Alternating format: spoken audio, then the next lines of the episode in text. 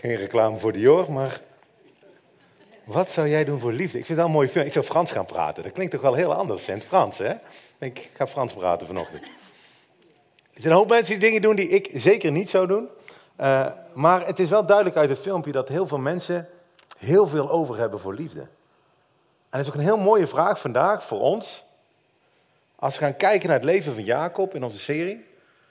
Um, wat heb je over voor liefde? Het onderwerp vandaag is niet liefde, uh, maar het is uh, hoop en tegenslagen. En we zullen zien dat Jacob, ondanks dat hij de liefde van zijn leven vindt, dat hij tegenslagen krijgt, dat hij het niet gemakkelijk uh, heeft. Nog een hele kleine disclaimer voordat ik begin. We gaan vandaag lezen over dingen die, ehm, die we raar vinden. een man met meerdere vrouwen, meisjes die uitgehuwelijkt worden, vrouwen die uitgehuwelijkt worden. De Bijbel is uh, vaak omschrijven, niet voortschrijven. En daarmee bedoel ik, we lezen iets wat er gebeurt in die cultuur, in die tijd, in die plaats. En dat betekent niet dat we dat moeten kopiëren en dat God het allemaal goed vindt wat er gebeurt. We zullen juist zien dat een hoop dingen die gebeuren, dat God daar niet blij mee is. Uh, maar dan wil ik even als disclaimer vooraf zeggen, dat het even duidelijk is dat ik niet die kant op ga. Voor degenen die het gemist hebben, um, de afgelopen keer hebben we het gekeken naar het leven van Jacob en uh, zijn broer Esau. Jacob en Esau zijn een tweeling. Esau is een uh, stoere, harige kerel. Hè? Uh, Jacob is dat niet. En ze ruzien al een hele tijd, al in de buik van hun moeder. en het wordt er niet beter van als ze opgroeien, zagen we al de vorige keer. Hun vader Isaac houdt van, van Esau, niet van, van, van, van Jacob. En hij is oud, hij is blind. En hij wil al een zegen meegeven, een stuk van de erfenis meegeven aan zijn favoriete zoon, aan Esau. Rebecca, de moeder van, uh, van Isaac, komt erachter en die verzint een plannetje. En ze doen net alsof Jacob Esau is. Ze verwisselen de twee jongens. En het plannetje slaagt. Isaac krijgt de zegen en de erfenis uiteindelijk mee van zijn vader. En Esau komt thuis en het is weg. En hij is boos. Hij is woedend. En we hebben gezien de vorige keer kan je terugluisteren in de podcast.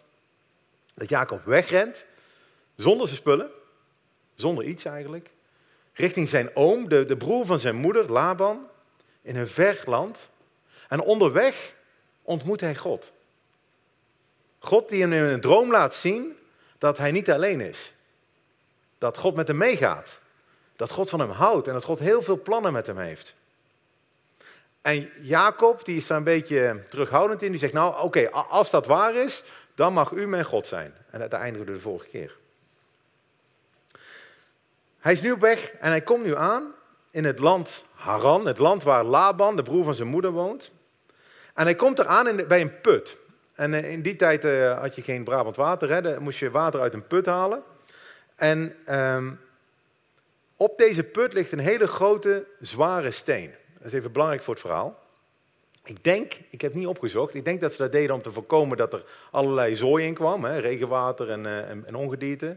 Misschien ook om te voorkomen dat er kindjes in zo'n put vallen, uh, of, of, dat er vee in zo'n put zou vallen.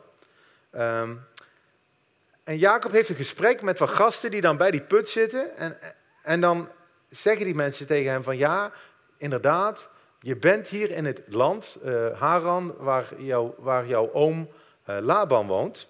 En zie, daar komt zijn dochter, zijn dochter van zijn oom, zijn nichtje, Rachel komt eraan. En daar, daar beginnen we het verhaal. Het staat in je programma. Um, en het komt ook achter mij op het scherm te staan.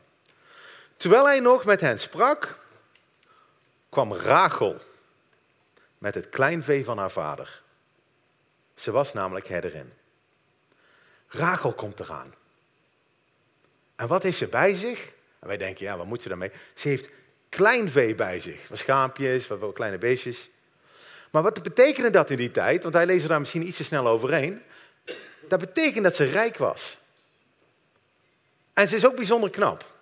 Dus hier komt de hoofdprijs uit de loterij komt hier aanlopen voor Jacob. Je moet je voorstellen, een knappe vrouw met een hoop geld komt hier aan. En ik zat te denken van, ja, heb ik dat ooit meegemaakt in mijn leven? ik weet nog heel goed, ik was tiener in Amerika, eh, lange tijd geleden. En mijn beste vriend en ik, wij, vonden altijd dezelfde meiden leuk. Dat was een probleem. We hadden altijd goede smaak, denk ik dan. Maar dat was wel een probleem, want er was er vaak maar één van. En dat leidde af en toe tot wat wrijving tussen, tussen mij en hem. Uh, maar we hadden met elkaar afgesproken, er gaat geen meisje tussen, ons in, tussen onze vriendschap instaan. Wij vinden onze vriendschap zo belangrijk, daar gaan we, onze vriendschap gaat voor. Uh, maar op een dag, en toen ik toevallig van mijn zomer was, ik, ik woonde bij hem op dat moment zelfs, waar we, ik was een zomer, ik woonde alweer in Nederland, ik was een zomer naar Amerika teruggegaan. En we waren bij elkaar in de zomer en toen kwam de oplossing, als een geschenk uit de hemel. Een tweeling. Dat was geweldig. Bijna niet uit elkaar te houden, maar dat maakt helemaal niet uit. We hadden een mooie oplossing. Dus wij allebei ons uiterste best doen om een goede indruk te maken. Jacob doet dat ook zo meteen, zullen we zo meteen zien. En het lukte best wel. De eerste stappen gingen best aardig. Dus op een gegeven moment mochten we ze thuis ophalen voor onze date. En uh, we hadden niet over nagedacht, hè. we hadden geen Google Maps toen. Dus we, zijn er naartoe gereden. En ik, ik weet nog heel goed, dat huis, dat was een kasteel. Dat was, die hadden een bubbelbad achter in de tuin, wat zo overstroomde in het zwembad, weet je wel. En, en, en een tennisbaan, en, en een basketbal, uh, veld. Een biljart, een kamer alleen maar voor een biljarttafel. En ik, ik weet nog goed, ik keek mijn vriend aan en ik zei, ik zei niet dank u Jezus, denk. Maar ik zei wel, dit moeten we niet verprutsen. dit moeten we niet verprutsen. En nou, dat deden we vervolgens dus wel. Maar dat is Rachel, hè? Rachel komt hier. Jacob komt hier, hè? dakloos, weet ik wat, geen geld. En daar komt ja Rachel, knappe Rachel, met haar kleinvee. En Jacob denkt, dit moet ik niet verprutsen. Maar we hebben het tot nu toe van Jacob gezien. Was Jacob zo geweldig? Hij, hij, hij, woonde thuis. Hij bleef thuis met zijn. Hij was 60, weet ik wat. Bleef, hij woonde hij thuis met zijn moeder. Speelde met de Barbies. Liet zijn moeder de was doen, koken. Zijn moeder koos zijn kleren nog voor hem uit. En nu komt hij. Hij is dakloos. Hij is werkloos. Hij heeft geen geld. Hij heeft geen geld meegekregen van zijn pa. Komt hij aan. Dat is het beeld dat we hebben van Jacob. Maar nu moet je eens opletten. Dames vooral. Let goed op wat het effect van een vrouw is kan zijn op een man. Het gebeurde. Toen Jacob Rachel, de dochter van Laban, de broer van zijn moeder, en het kleinvee van Laban, de broer van zijn moeder, zag, dat hij naar voren liep, naar die put, moet je je voorstellen, en de steen van de opening van de put rolde en het kleinvee van Laban, de broer van zijn moeder, te drinken gaf. Jacob verandert daar te plekke in de hulk.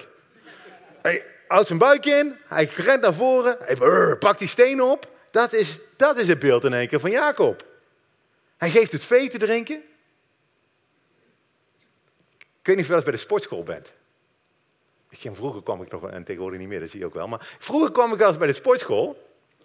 En als er dan een, een, een, dame binnenliep, dan gingen die buiken naar binnen en dan gingen die borsten naar voren. En dan was ze weg en dan, dan, was het einde verhaal meteen.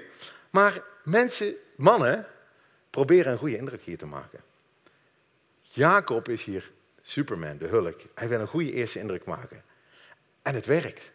En wat doet hij dan? Jacob kuste Rachel. Onvoorstelbaar. We lezen een verhaal van 4000 jaar oud. Je moet nu vandaag eens in het Midden-Oosten een dame die voorbij komt gewoon gaan kussen. Dan kom je echt in de problemen. Laat staan 4000 jaar geleden. Heeft er één minuut geleden ontmoet. en het wordt hem ook te veel. Hè? Dus hier komt de echte Jacob weer naar boven. Hij begon luid te huilen. Ik mis mijn moeder. Ja, zijn emotionele kant komt naar boven, maar hij heeft een eerste indruk gemaakt. Hij heeft die steen opgepakt. Rachel is een beetje onder de indruk, denk ik. En ze gaan praten. Dit is trouwens goed, heren, tip. Dames vinden praten vaak goed. En meestal kan je eerst praten en dan gaan zoenen. Ehm, dat heb ik mogen leren in mijn leven. Jacob vertelt Rachel dat hij een neef van haar vader is. En dat hij de zoon van Rebecca is. En ze rent weg. En ze vertelt het haar vader. En het gebeurde zodra Laban het bericht over Jacob, de zoon van zijn zuchter, hoorde, dat hij hem snel tegemoet liep, hem omhelsde, hartstikke mooi, en hem kuste en naar zijn huis bracht. En Jacob vertelde Laban al deze dingen. Hij ontmoet zijn oom voor het eerst. Heeft hij nog nooit eerder ontmoet. En Laban komt er tegemoet. De laatste keer dat iemand daar van deze familie was, op deze plek in Haran, was toen, toen Jacob zijn moeder Rebecca wegging om te trouwen met zijn vader. Dat is de laatste keer dat deze kant van de familie hier op bezoek is geweest. Um, dus we gaan, wat gaan ze nou doen? Hè? Dakloze Jacob komt aan. En Laban zegt, inderdaad, je bent mijn beenderen en mijn vlees. Je bent, je bent familie, je bent welkom. Tuurlijk mag je bij ons blijven. Maar hij heeft dan een heel slim plannetje. Laban is, doet heel aardig, maar er zit een andere kant aan hem. Jacob blijft een volle maand bij hem. En toen, zei, toen pas, zei ja, Laban tegen Jacob, omdat je familie van mij bent, hoef je toch niet voor niets voor mij te werken. Het was wel fijn dat je een maand voor mij voor Noppers gewerkt hebt, maar dat hoeft toch niet. Vertel me maar wat je loon moet zijn. Is een beetje raar. Dat je iemand een maand laat werken voor je op de boerderij. En nergens in die maand een gesprek hebt gehad over, goh, moet je er iets voor terug? Wil je geen geld voor? Maar wat we hier wel zien, en dat vind ik wel heel mooi, Jacob werkt. We hebben het tot nu toe niet gezien. Hij zat thuis bij zijn moeder. Hij werkt nou. Er begint iets te veranderen in Jacob. En nu, en ik vind het geweldig hoe dit opgeschreven is, um, komt er een hele kleine hint van wat er gaat gebeuren. Nu had Laban twee dochters. Niet één, hij had er twee. En we hebben alleen nog maar over Rachel gehoord. Maar hij heeft er twee. De naam van de oudste was Lea. Nou, bij Jacob hebben we gezien dat zijn naam een betekenis had. Weet, weet iemand nog wat Jacob betekende? Bedrieger, heel goed. Jacob betekende bedrieger. En dat is best sneu als je ouders jou zo noemen. Toch? Van, nou, we gaan een naam uitkiezen en we kiezen bedrieger. Zo gaan we onze zoon noemen. Maar weet je wat Lea betekende?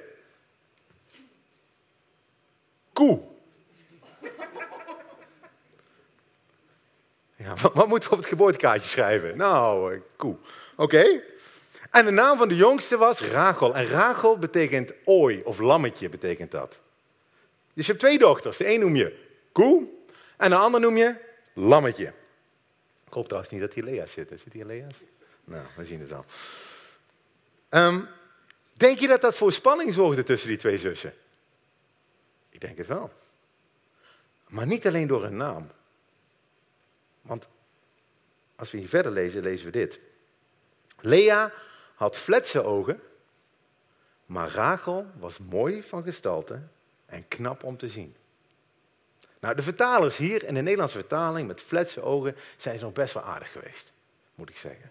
Fletse ogen kan ook betekenen dat ze gewoon uh, blauwe ogen had, wat, wat niet heel normaal is in, in het Midden-Oosten natuurlijk. Hè, dat, in tegenstelling tot, tot de donkere ogen die daar normaal gebruikt zijn. Maar het staat hier niet. Er staat niet uh, de lichte ogen van Lea versus de donkere ogen van Rachel. Ik weet niet of je dat opgevallen is. Er is iets in de ogen van Lea en dat wordt in contrast gebracht met het mooie lichaam en het knappe gezicht van Rachel. Als je wat commentaren over leest, dan, dan zeg je, ja, eigenlijk betekent dit waarschijnlijk dat ze of een lui oog had, of dat ze scheel was. Uh, hoe het ook zij, dit is niet goed voor Lea. Hè? Dit is echt niet goed voor Lea. Dit is het meisje dat niemand wil. Dat niet aantrekkelijk gevonden wordt. Iedereen gaat er een beetje langs, ze slaan er over. En ik vind het ook wel heel mooi dat dit er wel in staat. Want misschien herken je jezelf hier in Lea, zeker misschien bij de vrouwen. Als je een vriendin hebt of een, of een, of een zus, of een zusje, die altijd veel knapper is dan jij. Je hebt altijd in haar schaduw gestaan. Of niet het gevoel dat je, dat hebt. En dat is lastig. Maar de Bijbel is hier super eerlijk over. Want dat is de realiteit waarin we leven. Niet iedereen is even knap. Ik ben de boodschapper hier, ben niet, uh, de verzin niet. Maar en ik snap dat je dat niet mag zeggen in 2018, hè, want ja, ja, het gaat om de binnenkant, zeggen we met z'n allen. En dat is ook waar, maar niet de hele waarheid. Schoonheid is niet eerlijk verdeeld in de wereld. Sommige mensen hebben voordelen in de wereld omdat ze knapper zijn dan andere mensen. En die andere mensen zullen die voordelen nooit hebben. Want wie denk je op wie Jacob valt? Jacob had Rachel lief. Tuurlijk. En dat vinden we allemaal best logisch als we heel eerlijk naar onszelf kijken. En de Bijbel is zo eerlijk om dit gewoon te benoemen. En het is ook belangrijk in een relatie om die ander knap te vinden. als je met elkaar gaat trouwen, ga je jaren naar elkaar kijken. Het zou vervelend zijn als je al bij het begin wist dat je het niet leuk vond om naar die ander te kijken. Ik vind het heerlijk om naar Nicole te kijken. Geweldig. En dat snapt ze niet altijd. Ze zeggen, hoe kijk jij nu naar? Ja, naar, naar jou. Ik vind dat mooi. Um, God heeft mijn vrouw mooi gemaakt, daar zit ze, heeft mooi gemaakt. En ze heeft mijn hersenen, het vermogen heeft God zo gemaakt dat ik dat kan waarderen. Dat is geweldig. Ehm, ik kijk graag naar Nicole, liefst de hele dag, maar ik moet ook andere dingen doen. En Jacob ziet deze knappe vrouw en hij is verliefd op haar. En Laban vraagt aan hem, wat wil je voor loon? En hij denkt er even over na, te kort denk ik. En kijk eens wat hij doet. Hij zegt, ik zal zeven jaar voor u werken om Rachel, uw jongste dochter. Zeven jaar. Zeven jaar. Dames, dit is belangrijk. Zeker als je nog aan het daten bent of zo. Kijk eens wat Jacob over heeft voor Rachel. Zeven jaar van zijn leven. Heren, als ik aan jullie vraag, dan moet je goed opletten, want als je nu niet snel genoeg reageert, dan heb je straks een probleem thuis. Zeker als je naast je vrouw zit. Wie van jullie heeft zeven jaar van zijn leven, of zou zeven jaar van zijn leven over hebben, als je daarna de rest van je leven met haar mag besteden? Snel je handen opsteken, jongens, want anders heb je een probleem thuis. Tuurlijk heb je daarvoor erover. Zeven jaar. Dat hebben we allemaal. Keihard over. Maar dames, zeker die nog niet getrouwd zijn, zeker die aan het, aan het daten zijn, wat heeft jouw vriend voor je over? Of straks als je een vriendje krijgt, dit is de vraag om te stellen. Wat heeft hij voor mij over? Er zijn veel te veel vrouwen in Eindhoven, in, op mijn werk, weet ik waar ik allemaal tegenkom, die zichzelf veel te makkelijk weggeven. Aan de eerste, de beste kerel die langskomt, die nog niet heeft bewezen dat hij van haar houdt. Is hij bereid zijn leven voor je te geven? Zeven jaar. Thuis hebben we een grap. Mijn dochter zit, ja, dit is er eentje. Thuis hebben we een grap dat als er een jongen bij ons thuis zou komen, dat ik hem een nagelknippertje geef. En hem vriendelijk verzoek om het gas te knippen als hij zoveel van mijn dochter houdt. Het punt is precies hetzelfde. Hè? Als hij mij aankijkt en die nagelknipper teruggeeft, dan kan hij vertrekken. Als hij naar buiten loopt en even het gas, mijn, mijn op gaat meten, dan kunnen we in ieder geval praten met elkaar. Dan heeft hij in ieder geval over nagedacht. Tuurlijk, als zo'n gast echt verliefd is, dan gaat hij gewoon mijn gas knippen met dat nagelknippertje. Dat doet hij. En anders, dan uh, weten we het al, hoe het gaat aflopen. Jacob heeft nog nooit gewerkt in zijn leven. Heeft nou een maand voor Laban gewerkt. Heeft geen geld, terwijl hij een bruidschat moest betalen in die tijd. Om te laten zien dat hij kon werken en verantwoordelijkheid kon opnemen. En rekeningen kon betalen. En hij zegt, ik ga die bruidschat betalen om zeven jaar. Door zeven jaar te werken. Dit is kei veel.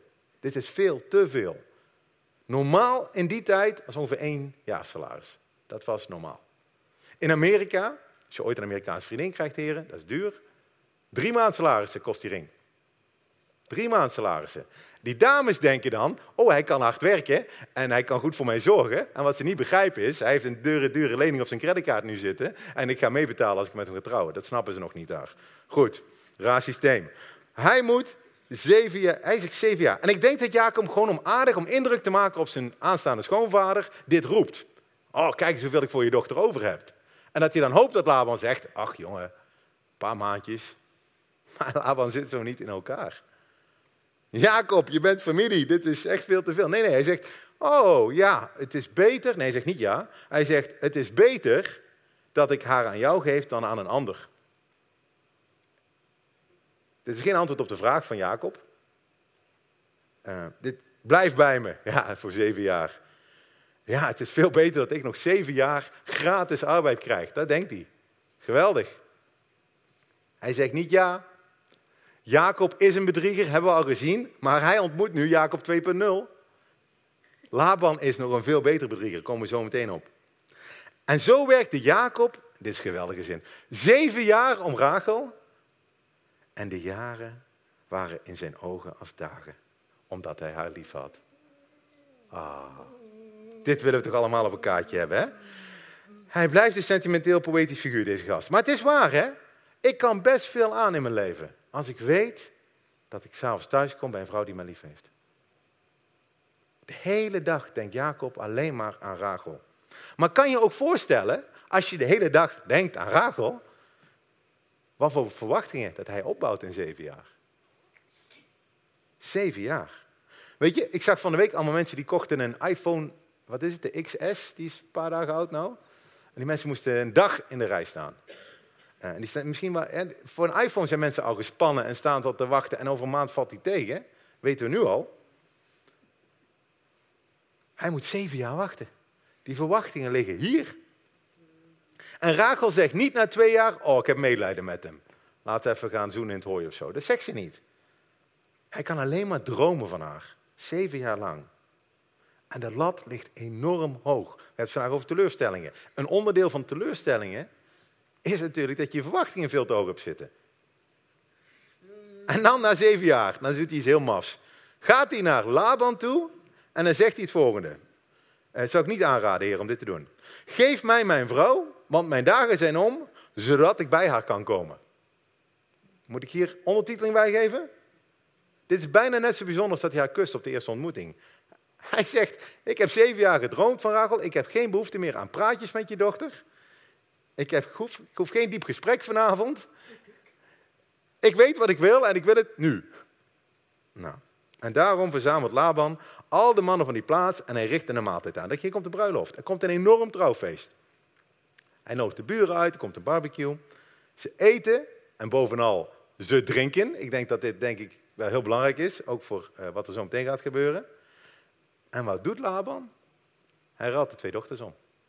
Hij weet dat hij voor zijn oudste dochter waarschijnlijk niet zo'n mooie bruidschat kan krijgen als voor zijn jongste. En hij is een sneaky mannetje. Hij denkt, weet je wat? Ik verwissel de twee dames om. Het gebeurde s'avonds dat hij zijn dochter Lea nam en haar bij Jacob bracht. En Jacob kwam bij haar. Hij is helemaal blij, Jacob.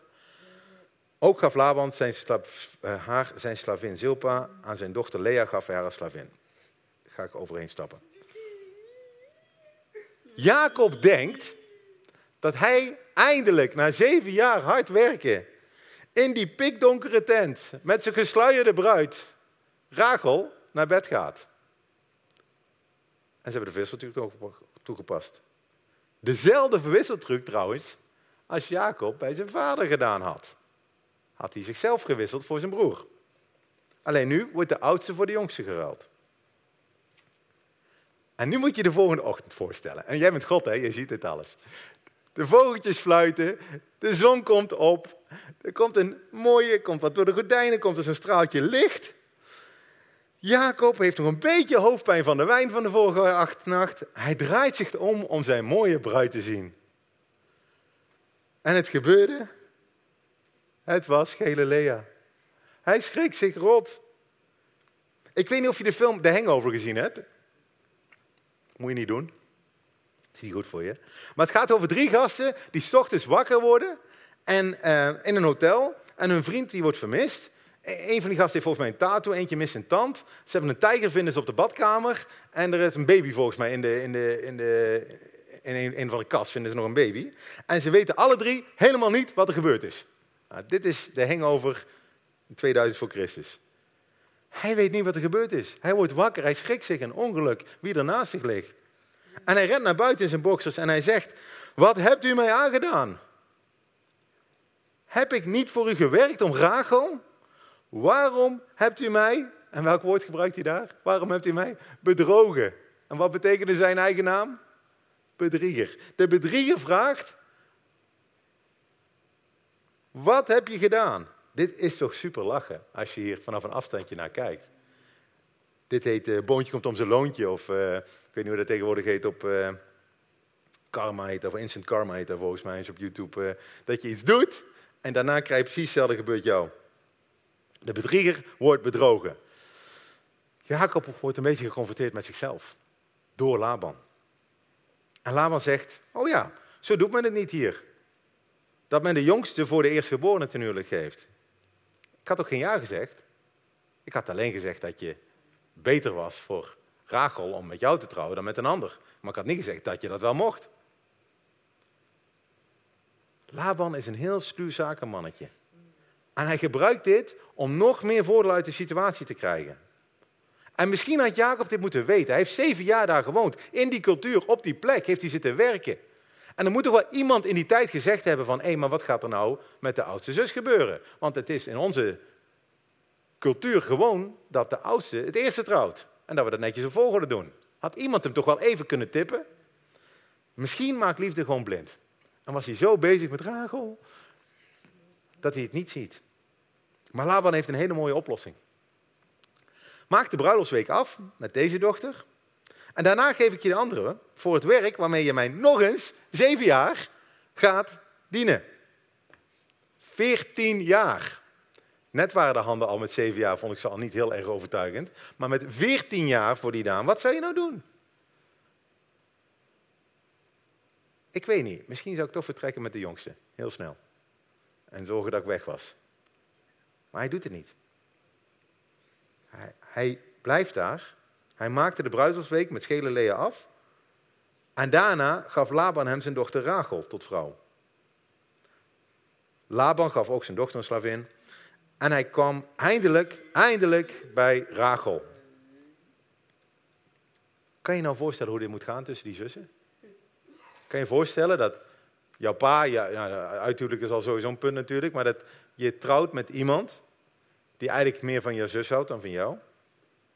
Het staat hier ook. Jacob had Rachel meer lief dan Lea. En hij werkt nog eens zeven jaar. Zeven jaar. Vanaf een afstandje vind ik dit heel verdrietig voor Lea. Um, maar Jacob heeft natuurlijk nooit gezegd dat hij van Lea houdt. En dat wist zij ook. Zij, zij weet ook, misschien was zij ook wel verliefd. Ik denk het wel, als ik naar de rand naar de, kijk wat ze um, roept richting Jacob. Um, maar uiteraard had hij Rachel meer lief, lief dan Lea. En ik vraag me ook af in hoeverre Lea echt onschuldig is in dit plannetje. Of ze niet een beetje meegewerkt heeft met haar pa om dit voor elkaar te krijgen. Dit had haar pa nooit eens een eentje af kunnen doen, uh, op kunnen lussen. Ze wil, dat zien we later, maar dan moet je maar thuis lezen, heel graag dat Jacob van, hem, van haar houdt. Uh, misschien dat ze hem al zeven jaar op die boerderij heeft gezien en heeft er hard gewerkt en dat ze daar gevoelens voor hem heeft gekregen. Ik, ik weet het niet. Maar het is in ieder geval een ellendige situatie waar we zitten. Lea, die zich totaal niet geliefd voelt. Jacob met een vrouw die hij niet wilde. En nog zeven jaar moet werken voor Noppes. En waar is God? Waar is God in dit verhaal? De vorige keer zagen we dat God naar Jacob kwam. Jacob was aan het vluchten en God ontmoet Jacob op die weg. Maar hij lijkt nu nergens te bekennen. Waar is de held van dit verhaal? Waar, is de hoop in dit verhaal? We hebben deze themaserie hoop genoemd, maar waar is de hoop in dit verhaal? Een paar dingen. Het eerste wat ik wil zeggen is, als je je hoop stelt in dingen of in mensen, waarvan je denkt dat ze geluk gaan brengen, net zoals Jacob dat doet met Rachel, dan kom je er uiteindelijk altijd achter dat je Lea hebt. Er is er komt een dag, zelfs met je iPhone XS, dat je wakker wordt en de telefoon niet meer is wat hij beloofd heeft. Dat je er niet blij mee wordt. En het kan gaan over je auto, je, je baan en zelfs met je echtgenoot, je man of vrouw. Dat die niet kunnen voldoen aan de verwachtingen die jij hebt. En je wordt je teleurgesteld. Want de enige in de wereld, de enige die genoeg is voor de behoeftes die jij en ik hebben. En de enige in de wereld die ons kan redden van onszelf, is God. Dat is niet je iPhone, dat is niet je auto, dat is niet je man of je vrouw. De enige in de wereld waar je je hoop op kan leggen, is God. Tweede punt van hoop. God is bezig met een plan. God is er wel. Alleen zien we hem niet. En we verlangen soms zo veel ernaar om God te zien en te ervaren en dromen te krijgen en, en, en ontmoetingen met, met weet ik wat, allemaal wonderen te zien, dat we vergeten dat God altijd bij ons is. God is er. God draagt ons altijd. In alle momenten. Ook in de moeilijkste momenten van ons leven. Zoals hier bij Jacob en Lea. God is bezig met zijn plannen. Hij had een belofte gedaan aan Jacob vorige keer. Dat Jacob de, de, de vader zou worden van een heel volk. Maar daarvoor moest Jacob zijn karakter wel een beetje bijgeschaafd worden. Jacob moest opgroeien van manneke naar een vent. Een vent die verantwoordelijkheid leert, een vent die weet hoe het is om hard te werken. Een vent die kan zorgen voor zijn gezin. En God gebruikt alles in zijn plan. Zelfs de slechte dingen die andere mensen hem aandoen. Het is niet zo dat God Laban iets in zijn oren fluisterde van, haha, moet je kijken, hoe laten we Jacob te pakken nemen. Nee, Jacob bekent, ja, Laban bedenkt dit rare plan. Maar God gebruikt het. God gebruikt alles ten goede. En dit is een ontzettend belangrijke herinnering. Voor jullie, maar ook voor mij.